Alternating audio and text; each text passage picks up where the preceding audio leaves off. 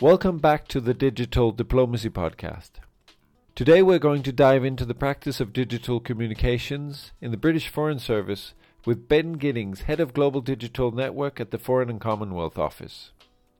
In this conversation, we're going to touch upon Ben's daily work heading the Foreign Office's digital communications through its overseas network, implementing the digital strategy of the Foreign Office, and finding the balance between the strategic global messages and the different local contexts in which they must be communicated.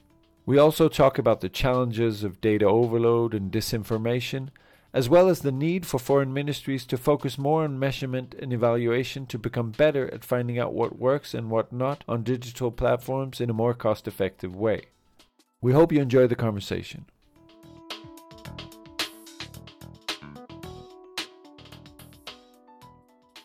Today I'm here with Ben Giddings, who's uh, head of Global Digital Network at the Foreign Office. Ben, I start by asking you, how did you get into digital diplomacy? Could you tell us a little bit about your background? Yeah, so it's um, I, am not I don't really have a diplomatic background um, per se. I started off life working uh, as a, a, copywriter for a recruitment advertising company, uh, and they moved into the digital space. They took over a, a recruitment website, and I was recruited to uh, run their UK website, basically manage the content on that side. And this is back in 2000, so going back quite a few years now. And I worked with them in the private sector for quite some time, uh, moved through product management, e commerce, e- uh, marketing online. And during that period, I moved over to, to Madrid, to Spain. I left that job. I got a bit fed up with the whole sort of sales side of it and everything, took a bit of time off. And I was really just hunting around for, for some work. I'd, I'd, I'd taken about an hour, a year and a half off and done different projects. And I, decided it was time to get a proper job again. Uh, and I saw this job came up at the embassy. They were looking to renew at that point the the website that they then had, and it was very very closely related to the kind of work that I'd been doing at Monster. So I I, I applied. Um, I got the job, and that was nearly ten years ago now.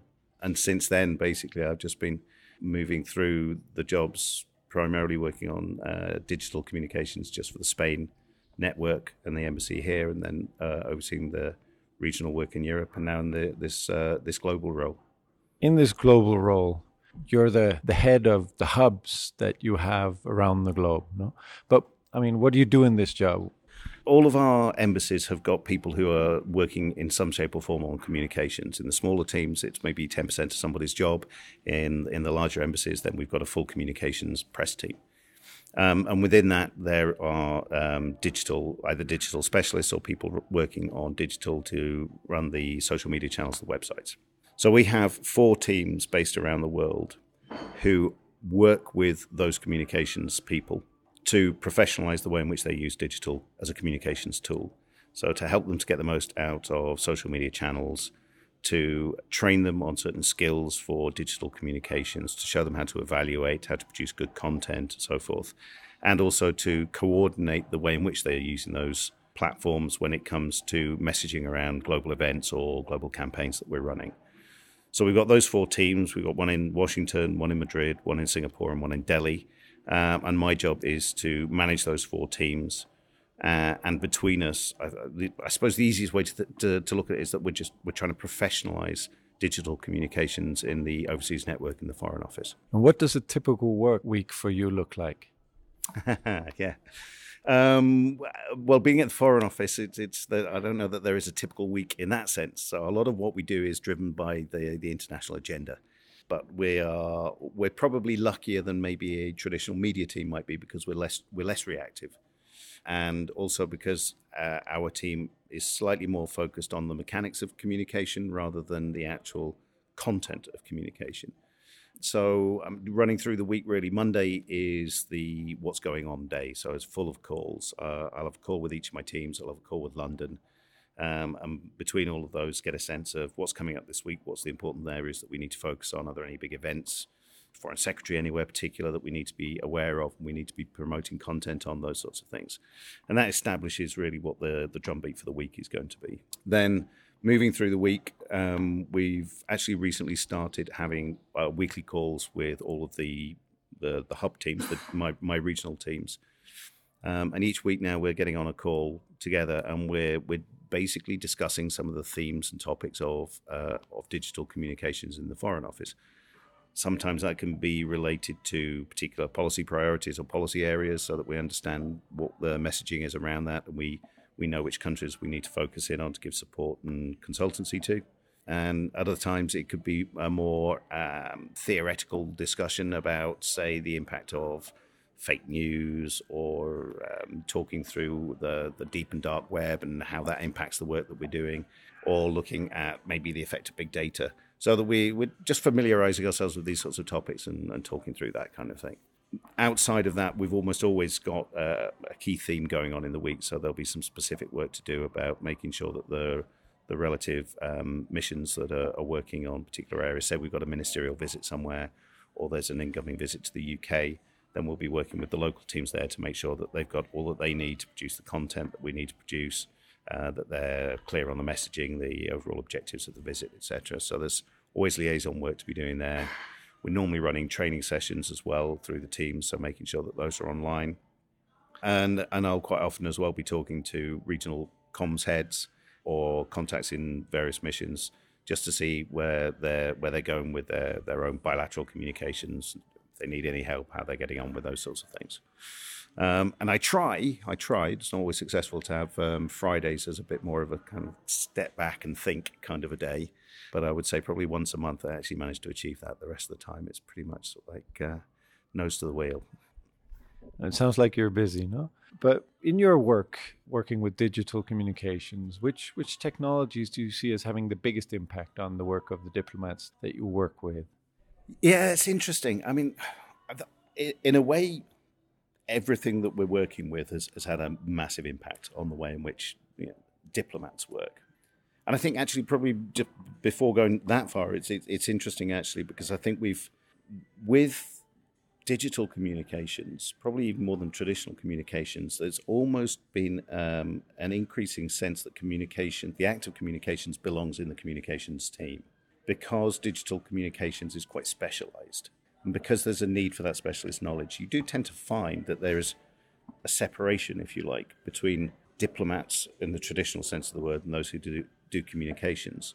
So, on the one hand, you could actually say that you've seen a bit of a divergence between those two, and the diplomats have, in a sense, gone off and buried themselves more in, in, in diplomat, diplomatic work.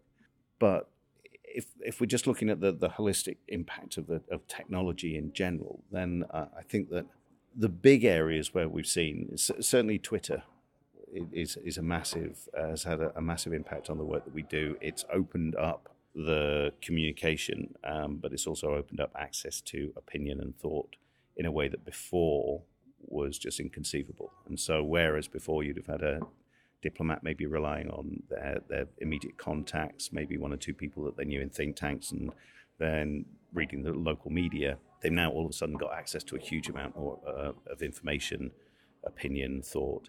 So, in one sense, that opens them up to a much broader spectrum, a much more nuanced way of understanding the the local um, sentiment about certain policy areas.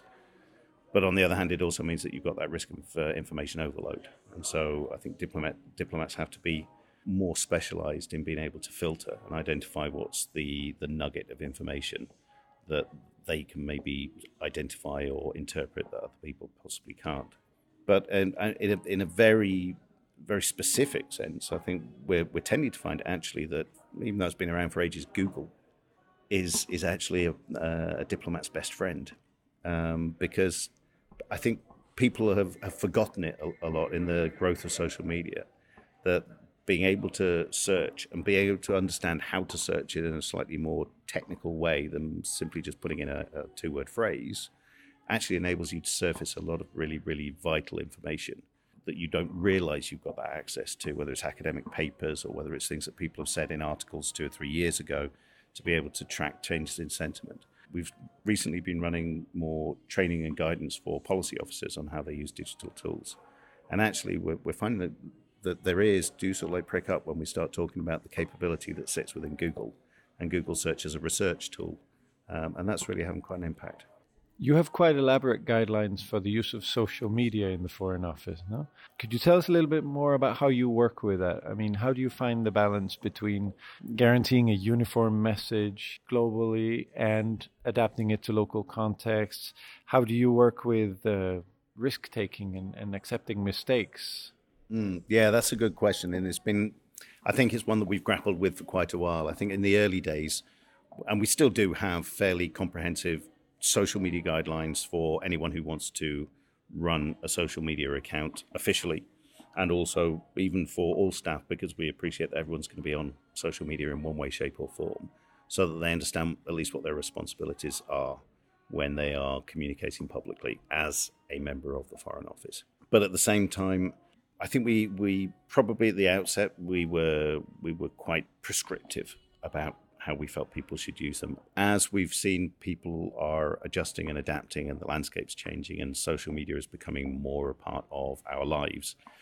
Um, we don't need to perhaps be quite so controlling in that sense, and uh, we're, we're trying to be a little bit more relaxed, if you like, in the sense that we we want to encourage people to try new things, and certainly when they are um, using social media in an official capacity, we do encourage risk taking to an extent but we also accept that people should be adult enough to understand, you know, what their responsibilities are, where the, li- the land lies, um, and what might be acceptable to say in one country might be less acceptable in another. So we have to rely on local understanding of those cultural norms and of the legal norms, um, so that people can make their own judgments, particularly ambassadors.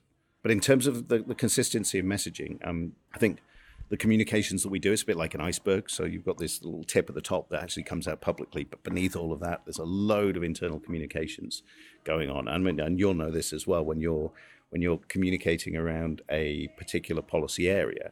Everybody needs to make sure that they're they're agreed on what they're saying and that we, we've got a, a, a clear sense of this is the core message. But within that, you you then have to again trust local people to understand how to deliver that message locally and in a way that it will land locally with their audiences. So we do a lot to prepare people. If if we've got a global message, let's say for example there is uh, an event taking place um, or a, foreign, uh, a prime minister's speech, foreign secretary's speech. We'll do a lot of work in, in advance to make sure that everyone's clear what the, the core objective of the speech is, what the messages are, etc. Um, but then, and we will quite often produce a range of content around that and make content available. But then we'll we'll let local missions take it upon themselves to decide which of that content they'll use, which of those messages are most pertinent to their audiences, and how to adapt them. And then when it comes to the more bilateral communications, uh, and particularly in digital, our job really is a bit like teaching people to fish.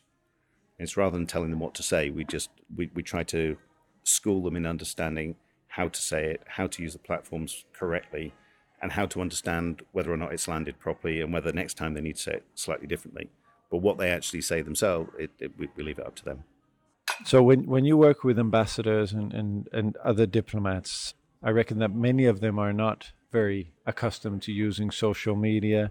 How do you work with them to to make them understand social media, how they work, and, and make them open up and be more engaging? You can say, be more personal.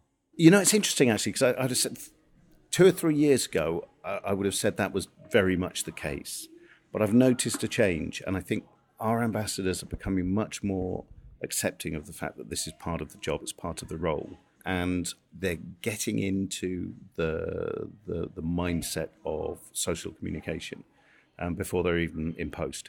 And we quite often now will have ambassadors who are going into a posting will reach out to us in advance because they want to talk to us more about how these channels are used, how they can get the most out of them. So it's not that we need to convert them in any way. They're actively coming to us and saying, help me to do this as well as I can, which is quite a, a marked change from where we were maybe three, four years ago, certainly. But I think that, yeah, it, it is obvious that, especially when we're talking about ambassadors, very personality driven. And you find that some are naturals um, and they can go out there and they can speak with their own voice, but with authority they they have engaging conversations with people. We had um, a, brilliant ambassador in in Turkey who's recently um, moved on, actually, um, but he became slightly uh, a minor celebrity. Uh, Richard Moore. He was a natural at being able to converse with people online and know how far to take debates and discussions and then when to step back, but always with his own voice and always on message. And he won not only a lot of followers, but a lot of plaudits locally for his ability to use social media in a very transparent and open way. Um, and not everyone's going to be like that. I think we there, there, are various techniques we use. I mean, one thing we do is is we we try to encourage peer to peer learning. So we will um, not only draw on the experiences of other ambassadors and use those as a way of demonstrating to less confident ambassadors how they might use the platforms, but even draw them together and so have them come into uh, sessions or conferences or, or meetings um, and explain to other ambassadors how they've used it, use them as uh, as champions, if you like. But also, I think more and more it's important to be able to have some sort of evidence base to show what works, because you you also find that there are some uh, there will be some ambassadors who will have an idea in their head of what it is that it takes to to do social, um, and quite often that will involve being slightly more light-hearted, perhaps, or slightly more friendly than they might be normally and it's important to be able to demonstrate that actually we can show whether through data or through anecdotal evidence or through anecdotal experience that there there is still a balance to, to be had between the authority policy lines and the more accessible approachable human side. So it's important for us to collect data and collect evaluation and show that where it works where it works well where it doesn't and use that as a way as well. How do you work with with monitoring and, and collecting this data and analyzing it it's a job. That really is a job. I mean, we've got uh, over, I think we're, we're on to about 330, 340 social media channels across the Foreign Office. So just monitoring their output from our point of view as a regional resource, it's a real challenge. But not only that, but also monitoring the, the impact and the evaluation of our campaigns is, is difficult as well. You know, there's a lot of data in there so on the one hand, we're using we're using tools. We're, we're trying to make the most of professional tools. So we use Brandwatch for our cam- campaign evaluation. We we use Hootsuite for monitoring purposes as well as channel management. But I mean, Hootsuite's great when we want to monitor either events, crises, whatever. It's it's a really good tool for that. We're we're looking at how we can use NewsWhip better for online social media monitoring. We've got a tool we call Supermetrics, which um, which is also helping us to uh, analyze our own output. So, so we've got those tools on the one hand, which are helping us to do the more technical side of the the monitoring and the analysis. Then there's kind of what we what we might call push monitoring, where we try to look at ways to incentivize people to shout about what they're doing, and whether that might be a competition to say, well, if you the best piece of content that was done last month goes for uh, an induction trip to London or something, or whether we're just doing a monthly roundup of really great and innovative content that people want to be on because they know it's going to senior management or whatever. So that also helps us to do monitoring because people are coming to us and say, I did this really great piece of content, it really worked. But then on the more technical side of it as well, and in the wider sense, the Foreign Office has got um, a data sciences team that, um, which is looking at how we can use data science techniques to analyze open source data or large amounts of um, our own data to try and get a better sense of what's going on in, in the social media world. So they might be uh, looking at Google Trends to see if we can see how conversations are changing over time and see if there's any correlation between that and maybe our own activity in certain geographical areas. You know, have, have we been communicating quite heavily about something in Southeast Asia, and are we seeing any correlation in Google Trends to how that might be affecting areas that we're interested in? Or taking Brandwatch data, pulling it out of the um, of the database and putting it into somewhere separate, and crunching that data in a different way to see if we can see different uh, different outcomes or, or notice different patterns. Or even looking at how we can use open source data around maps and so forth and use that to corroborate reports that we're seeing about incidents or events around the world. So they're they're experimenting with that. It's it's in its early stages, but it's um, it, it's clearly an area that's going to have an impact, and it's somewhere that I think we need to get good at so that we can understand because the amount of data that we're using is only going to get bigger. When we talk about things like echo chambers and disinformation, how how do you work with these things? I mean, as a foreign office, how do you get into echo chambers, for example? Yeah, that's actually that's a really interesting question because I think we've often thought about how do you break out of echo chambers rather than actually how do you get into them. But at the same time, we were having a conversation just today about you know, with with people increasingly moving towards kind of like walled off conversations and social media networks. You know, how do you break into those kinds of things? I mean, one one area that we're we're intensely aware of is the fact that people don't often seek out embassy social media accounts as a way of unwinding in the evening so we're not the first port, of call, and you know if we're we're we're up against second screen social media channels, and we're up against sport and entertainment and Netflix and whatever else, we're never going to come out anything other than second best to those sorts of things. So we we have to accept the fact that we are only, a, I think, a small part of people's echo chamber what we've got to do, I think, is work out um, how we can use partners and how we can work with influencers. It's becoming a bit of a tired expression already, but how, how can we identify people who are speaking to the audiences that we want to reach to? And work with them to feed our messages out, or work with them to understand what the conversation is on their side and in some cases that that can, can be quite high level. You might work with NGOs, or you might be working with particular charities or organisations that are specialising in climate change or whatever. And that's that's a fairly good organisation to organisation relationship you can build, and you can work out a partnership and work out how you communicate and in an aligned way.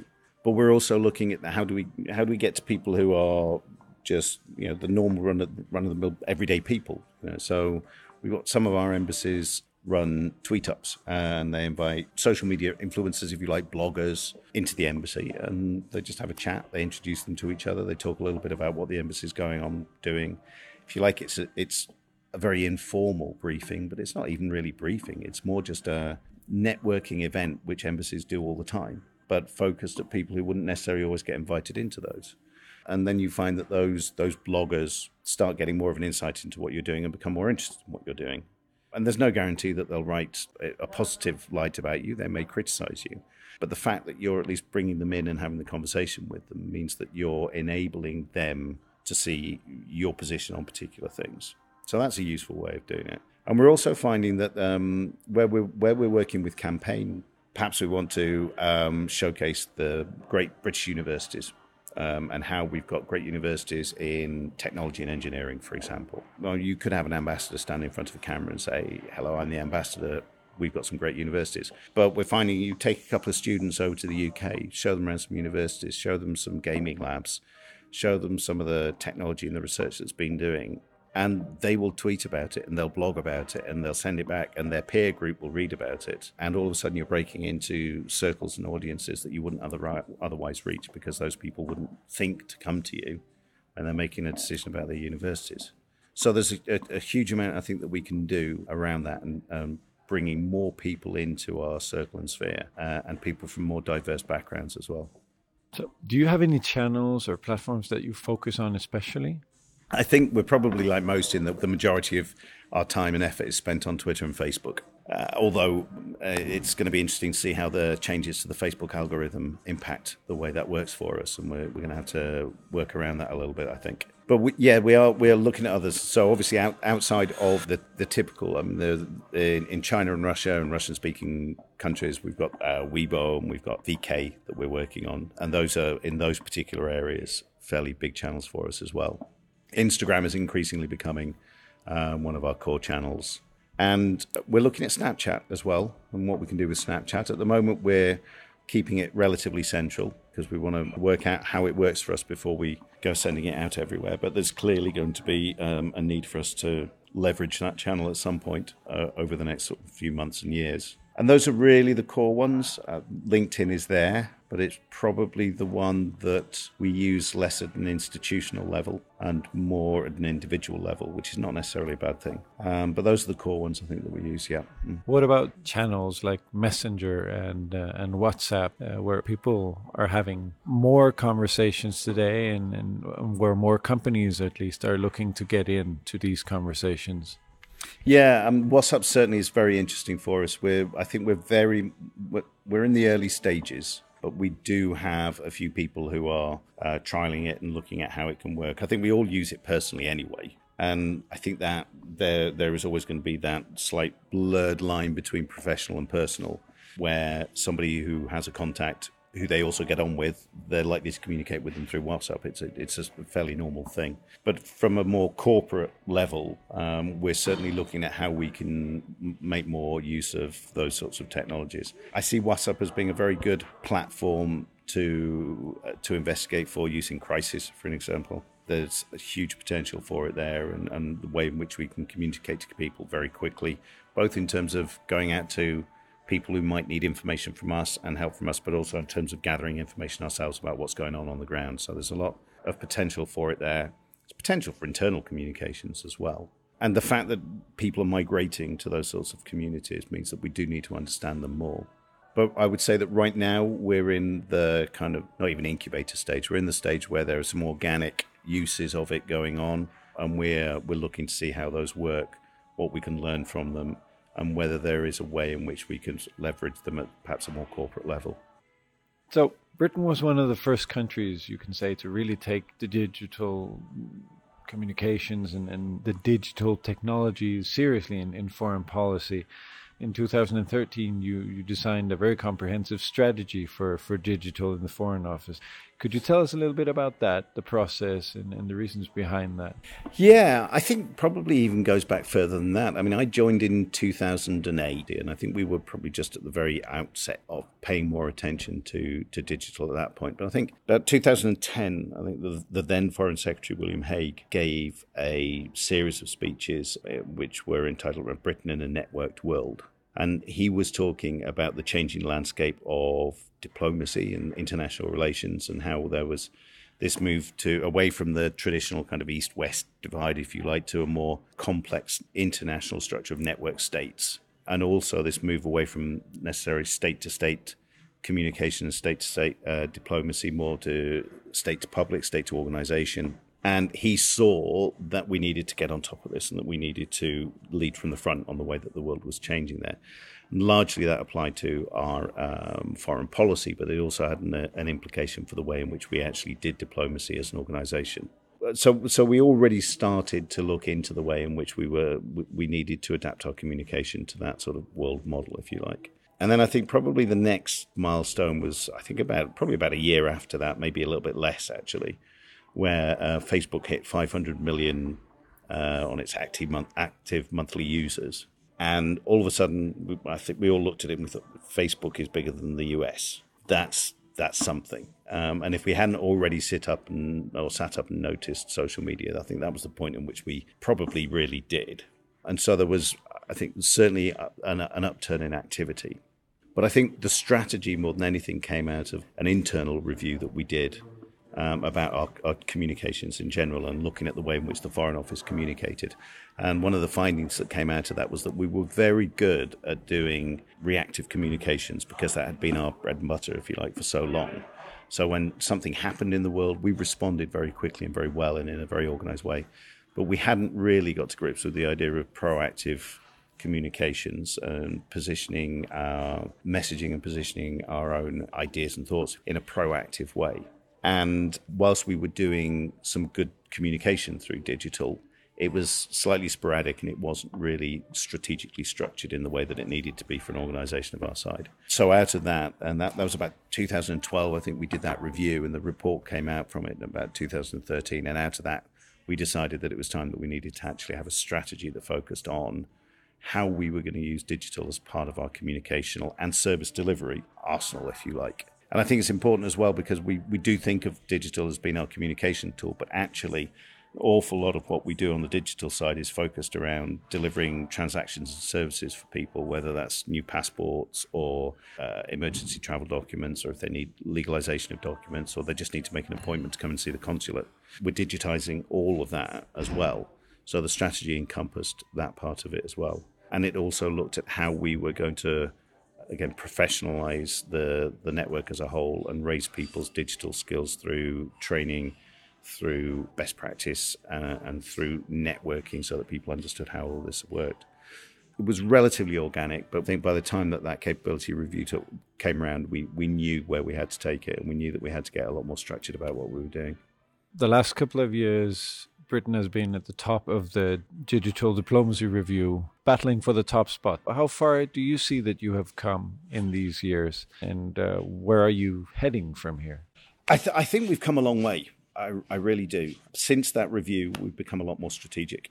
And I think that we've become more I would say coordinated in the way that we're we're using tools. I think um, we've we've gone through various stages of being more centralized and less centralized, and and I think we're finding a nice balance now between how we encourage people to experiment and we encourage people to use their local understanding and their local knowledge, but give them support of centralized assets and centralized lines and centralized guidance and coordination so that they know that they're, they're communicating as part of the package. I think actually it's an interesting case in point that we've, we've obviously everyone's talking about Brexit at the moment and, and um, where, where that's going to lead us to. But from a communications point of view and from the mechanics of a communications point of view, it's interesting that we have a responsibility at the moment to make sure that a lot of um, British expats, British nationals who are based overseas, have access to information so that they understand how uh, the the changes, the negotiations, the outcomes of the negotiations affect them as residents in an EU country.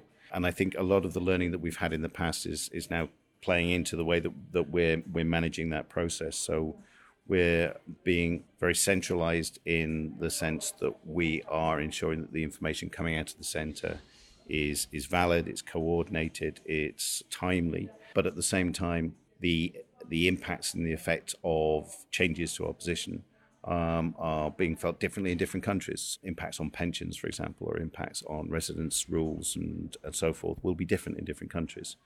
So we've been able to construct a framework within which the information can be collated and put onto the website and delivered, but giving people the freedom to then be able to bring that information together and put it up themselves and communicate it out themselves and again, the way in which our local offices are using uh, digital tools and traditional diplomatic tools and networking tools as well to uh, reach out into those communities as well. Um, we, have been sharing knowledge from the last few years and from different or different countries across those teams so that they understand the best ways to try and get into smaller groups. They understand how to reach influencers who then can talk to people who aren't necessarily using the internet or social media. So they've got those techniques, but again, it's their own local knowledge that they're they're applying and using those techniques for. So I think we've come a long way, but I think there's an awful long way to go, and the the ground's continually shifting, uh, and there's a lot more for us to do. So in this fluid digital world, which areas do you think uh, you need to focus on? Which technologies? Yeah, I'm one. You see, I wonder sometimes whether the biggest challenge coming up is technology or or whether it's the people behind it. Obviously, I think the the big issues that we're dealing with at the moment in terms of just the general use of particularly social media are the misinformation, disinformation, fake news, massive issues. Not just for us. I mean, Facebook is, I think, going through a bit of an existential crisis about, you know, is this what we wanted to be in the first place? How, what do we do about it? How do we balance our competing priorities and so forth. So it's something that I think is is playing out across social media as a whole. And for us, I think one of the challenges is how to deal with that shifting landscape. There, there's a danger that social media is going to become discredited, and I think that would be a backward step. I think that would be a shame. But at the same time, we have to realize you look at the various trust barometers that are coming out, and you know people's trust in government institutions, even in news institutions, is lessening. And so we've got to work out how we speak with a clear and trusted voice and promote transparency and openness on these platforms in an environment where people are inherently uncertain about whether they can believe what we say. Um, and that is a real challenge and at the same time, I think we have to be heard without being drawn towards, shall we say, populism, although it's probably not the, the best word to use, but being drawn out of our area of strength where we can speak with authority and trying to get in front of other people by being what we're not, by being um, fun or attractive or outspoken or outrageous or whatever. We need, I think we we need to be very, very careful to avoid that and to maintain our integrity and maintain um, what we're good at. So I think there's, there's, there's a real challenge there. But within it, there's opportunity as well. The opportunity to actually show that we are transparent. For example, an ambassador might go and do a live Q and A on Twitter. In some countries, that in itself is a, a massive positive message because people say, oh, I can't do that with my own politicians. No one would let me actually come and ask them a question and then would answer it. So we shouldn't lose sight of, whilst there, there is the challenge of, of disinformation, misinformation, we shouldn't lose sight of the opportunities that, that social media offers. If we're looking at the more specifics, then I think that data and, and information overload are challenges. And we need to be able to understand how to crunch the data that we've got to make sure that we know whether what we're doing is actually working or not, whether it's anyone's listening to us, whether people are engaging for, with us for the right reasons, and also to understand that we've got the conversation right, that we've read the conversation right, because there's so much stuff that's going on out there, combined with uh, misinformation, disinformation, that we need to be able to make sure that we've we've got the tools and the skills to pierce through all the fog and, and come out with some clarity. And I think finally, as well, the uh, if you like, the after effect of this overload of information, this lack of trust that people are having, is that they are moving to walled communities. People are increasingly going to WhatsApp and, and in closed groups. They're talking amongst themselves. They're sharing stuff, which at an individual level is great um, because you don't have to deal with adverts. You don't have to deal with stalkers or being molested or whatever. But it also means that it um, it enhances that echo chamber it reduces your exposure to alternative views or opposing views, which is healthy. And it also means it's more difficult for us as an organization to get in front of people with a message that, that we believe to be a, a positive and a, an open message. So I think there's, there's, there's a lot of challenges in there for us. But it, interestingly, I wouldn't actually point necessarily to a specific piece of technology and say that's where it's coming from. Do you look at other countries for inspiration? Yes. Well, I, I look at I look at what other countries are doing won't have time. In all honesty, I mean, uh, with 300 plus channels to look at on, on our own site, it's sometimes difficult to actually spare the time to look at others. But you have to be aware of what's going on. You have to be aware of what other people are doing. You can't ignore Modi, for example, and what he's doing on social media and some of the, the, the way in which he's actually managed to take that Twitter and his Instagram channel and, and use it to such personally beneficial effect. He's really mastering the use of his channels very well. I like that Trudeau earlier on in the year was doing a, a live um, Snapchat Q and A. So it's good to see what other people are doing and how other people are using it. But in in honesty, I, I don't think that we diverge too much, really, at the government level in the countries and what we're doing. What I do try and do, though, is see just what is going on on the different channels and, and how other people are using them, just normal people, if you like. So just browsing Snapchat and seeing what's coming through. If you look on the Discover page of Snapchat and just see um, how are people phrasing their content, what's the stuff that stands out, what's the stuff that seems to fit nicely with the platform, and what seems like it's just been shoehorned in there. The way in which people are using stories on Instagram and how that's working. So I try as much as possible to browse through these channels and see how non-government actors are using them, and see if there's anything that we can learn from that um, and, and increasingly from the private sector as well. You know, what are they doing that we can learn from as well? We've talked a little bit about the role of, of the diplomat. Do you think that there will be a new kind of diplomat? There will be a need for a new kind of diplomat, and, and how do you how how do we get to this new kind of diplomat? I find myself in two minds about it. I think that undoubtedly the world is changing, specifically from the digital perspective and so there is a new skill set that we we need and that diplomats need in order to do their job. But at the same time, it was it was a cultural shift, if you like, for our generation, probably. But if you look at the generation that's coming through now, the tools that we're talking about and that we're talking about trying to get people onto are natural for them.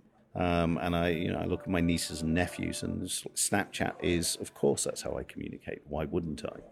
So in a sense we've had to we've had to go through a little bit of a paradigm shift in that sense in the, the fact that we're using new tools but once you take those tools out of the way actually we, we look at for example data and we're saying oh, information overload and data well in order to deal with that you need to be able to uh, assimilate a situation quite quickly. You need to assimilate a lot of uh, information quite quickly, and you need to come to a conclusion and some sort of recommendation about what's the direction of travel, what do we need to do about this, or whatever.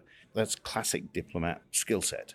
We're looking at people moving into closed communities, and in order for us to get into those communities, either we need people who can act as our voice in those communities that we would think of as being advocates or influencers, or we need somebody who can help us to step into those communities. Classic diplomat skill set So, whilst the technology is, is changing and is changing the world around us, there's still, I think, an absolute need for the skill sets that diplomats need. And it, it, we, have seen technological changes before. So we've seen the telephone came along and changed the way in which um, people communicated. But we still find that we've got international political crises and you know, hasn't stopped wars from taking place or anything. So I, I, I don't think we need a new kind of diplomat. I think it's just that the diplomat is continually evolving. And probably one of the, the greatest skills that diplomats have had is to be able to adapt. They do it in local countries. They do it in times of change. They do it in times of crisis. Um, and so all we're really seeing is diplomats being diplomats and ad- adapting to a, a, changing landscape and a, a, changing scenario. So, so no, I, I, th- I think to be honest, it's um, it, it's not a new diplomat. It's just diplomats with uh, a new world. I usually ask two questions at the end, and I think you just answered the last one, which is, what what can others learn from diplomacy? Um, I tell you what, actually, I think that one of the things they can learn is that yeah, old dogs can learn new tricks. I mean, like we are government institutions in general. I think are quite slow to react in a lot of ways, and they're quite conservative with a small c. And the fact that an organisation like the Foreign Office can actually not only grapple with the, the changing landscape and this changing technology, but actually adapt to it, assimilate it, and have it become part of their DNA shows that anyone can do it. And certainly, private sector businesses, entrepreneurs, and and, uh, and so forth should be able to to do it just as well as we do. So I mean, that's one thing that I think they can learn from it. But I think it is it's adaptability. Uh, and for me, I'm not going to preach. I've worked in the private sector. I'm not going to preach the private sector at all. But I think that one of the things that we particularly in I speak I speak more for the Foreign Office, but I think that this is true across ministries of foreign affairs. Is that we, we hold true to the the idea of maintaining uh, integrity in our communications and trying to put across messages that we believe to be the right messages and, and that we believe in. And I think that you're seeing in the private sector that consumers are putting a lot more store in that in, in, in their buying decisions. So they, they want products and they want companies that they can believe in and that they can buy into as much as that they produce good, uh, reasonably priced products. So so I think that sense of the, the integrity and the, the, the understanding of that beyond just a simple transaction is probably also something that uh, I would like to think that we, we can show as an example. And the the other way around, you can say, what can diplomacy learn from from other sectors in this fast changing world? I would say, and it, this comes in a in a way. This comes back to to the a little bit towards the evaluation, the understanding of the impact, and so forth. It's just if, if, having worked in the private sector, the amount of effort and the amount of time and money that you invest in any activity needs to have a return. And you don't generally do something for nothing in the private sector. You want to make a profit on it. So you invest a lot of time in making sure you understand whether it works or not. And I think that's one area that we need to get better at. I think that we can learn a lot from not so much the tools that people use, but just having the mentality that we're not just doing this to fill time and to fill a void. We're doing this because there is a purpose behind it. We want to try and influence people's understanding of world affairs or of our position in the world and we have to get better at being able to understand that and being able to track whether that works or not, and whether that's traditional evaluation skills or or what. I mean, there'll be a range of ways that we can do it. But more than anything, we need to just come to the the realization that that's an important part. I think people sometimes feel that that's a little bit almost beneath us as a government. That, that that's the slightly sort of transactional world of, of, of sales and telemarketing, and it's not. We need to we need to change that mentality, and we need to understand that we are here to deliver services, to deliver messages, and we need to work out and we need to understand how good we are at doing that, and whether we're actually doing it in the most effective way possible. Well, thank you very much for your time. Looking forward to following your work further. You're welcome. It's been a pleasure talking. Thanks a lot.